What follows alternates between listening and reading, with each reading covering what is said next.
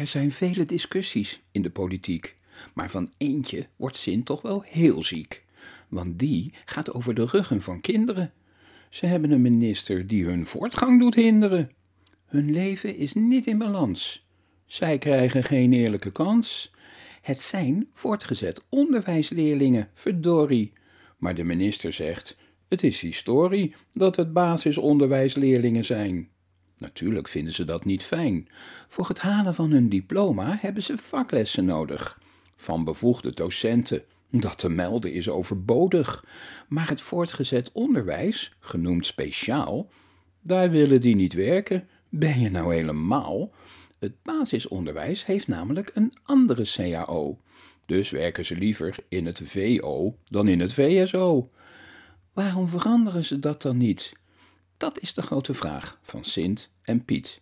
Dus zaten Sint en Piet te denken: hoe kunnen we ook deze leerlingen erkenning schenken? Misschien door allemaal te laten weten dat we het voortgezet speciaal onderwijs niet zullen vergeten, met een boodschap aan Den Haag.